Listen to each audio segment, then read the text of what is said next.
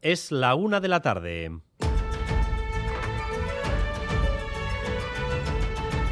Crónica de Euskadi con Dani Álvarez. A Rachaldeón, el gobierno vasco actualizará la renta de garantía de ingresos pactando con Podemos e Izquierda Unida. A partir de ahora se podrá acceder a la RGI desde los 18 años.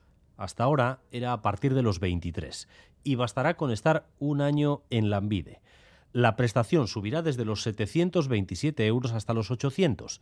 Eso sí, el requisito fundamental de la renta seguirá siendo el de estar en situación de vulnerabilidad. José Luis Fonseca. Acceso a la renta de garantía de ingresos desde los 18 años con el requisito para acceder a la RGI eh, de estar registrado durante un año en la Envide y que durante ese periodo la persona perceptora no consiga un empleo a través de este organismo. Se incorpora también en el preacuerdo entre Gobierno y el Carrequín Podemos Izquierda Unida la condición de emancipación para este colectivo de entre 18 y 23 años y se elimina dicho condicionante para el colectivo de entre 23 y 29 años. Sobre la cuantía percibir pasaría de 726 euros a 803. Este era uno de los principales proyectos que tenía en cartera esta legislatura el departamento de Idoya Mendía, así que satisfacción en el Partido Socialista y también en el Partido Nacionalista Vasco que para sacar adelante esta ley han decidido escorarse hacia la izquierda.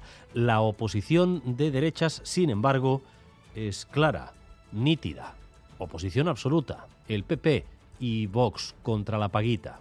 No nos oponemos a la renta de garantía de ingresos, pero sí nos oponemos a que sea vitalicia, que sea un sueldo para vivir del cuento y eso es lo que vamos a seguir diciendo siempre. Porque nosotros creemos en un sistema de protección en el que estén las personas que realmente lo necesitan y, como digo, tiene que ser dirigido a que esas personas puedan encontrar lo más pronto posible una oportunidad de futuro y un trabajo. Esta tarde a las 7, primera asamblea sobre los parques eólicos que proyecta la empresa noruega Statkraft en Azpeitia. Los vecinos escucharán a los ingenieros del proyecto. Se prevé una conversación animada porque ya empiezan a conformarse plataformas contra los eólicos, Fermín Alberdi. La empresa pública noruega explicará a los vecinos su propuesta para instalar tres aerogeneradores en el entorno de Azpeitia. Un ingeniero vasco, director de proyectos de Statkraft, se afanará en el intento de convencer de que esta opción de generar con renovables aquí nos haría más autosuficientes. Del otro lado, mañana miércoles, seis plataformas antieólicas se activarán en sus protestas. El debate de Azpeitia proyecta en todo nuestro ámbito la pregunta de a qué estamos dispuestos cuando hablamos de soberanía energética. El presidente de la COE abre fuego contra el gobierno de España, primero por la subida de las cotizaciones sociales máximas de los trabajadores, avisa que las empresas van a contratar menos y después por el nuevo impuesto a la riqueza. Según Antonio Garamendi, esto no va de ricos y pobres, porque estamos todos en el mismo barco. No podemos compartir por motivos políticos el que se hable de los ricos y los pobres, volver a dividir la sociedad por un impuesto que es puramente ideológico, que se acaba de plantear hace poco y que todavía no, no sabemos ni de qué va.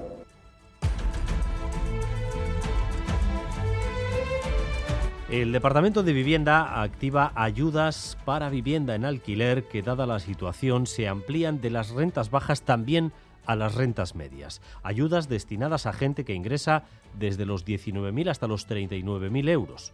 Personas que viven o quieren vivir en alquiler libre y que estén apuntadas en Echevide estas personas están padeciendo también las aperturas del momento. Les vamos a dar los detalles en un instante en esta crónica de Euskadi y conoceremos a Itziar, que ahora ve una oportunidad para acceder junto con su pareja a este tipo de alquiler asequible. En nuestro caso se ajusta perfecto porque es muy complicado para una pareja, en el caso de que tu pareja ganase más de 35.000 euros, acceder a una vivienda en, al precio que está el mercado hoy en día y si además tienes plan de familia es prácticamente imposible.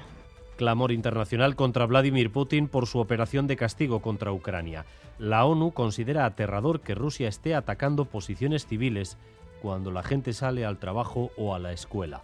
Óscar Pérez, ¿ha continuado hoy ese castigo? Pues en mucha menor medida. La mañana ha sido más tranquila en la mayoría de ciudades de Ucrania. El miedo no se les ha ido del cuerpo aún a sus habitantes y muchos han pasado las últimas horas en los refugios alertados por las autoridades o por las sirenas. Los bombardeos rusos de esta mañana se han dirigido sobre todo contra instalaciones eléctricas, es lo que han informado las autoridades en Leópolis, Dnipro y Vinchia. No se ha informado de víctimas civiles. La excepción es Zaporilla. Por cuarta noche consecutiva, Rusia ha atacado la única capital de las regiones anexionadas que no controla Rusia. Ha habido al menos un fallecido en ese ataque. El balance hecho este mediodía sobre los bombardeos del lunes habla de 19 muertos y 105 heridos. Hay muchos barrios en las ciudades atacadas que hoy continúan sin luz. Calienta la nueva edición de Durango Coazoca este año del 7 al 11 de diciembre con el lema Estanda.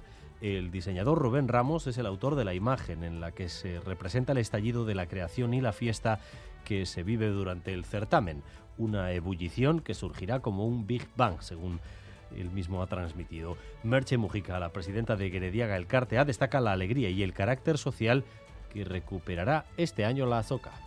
Aspaldiko lagunekin topatu eta besarkatzea. Goizeko amar terdietan ikasleak landako gunera korrika sartzea. Zure sortzaile gustokoenaren sinadura lortzea. Kuadrillarekin eguneko eta gaueko plana egitea.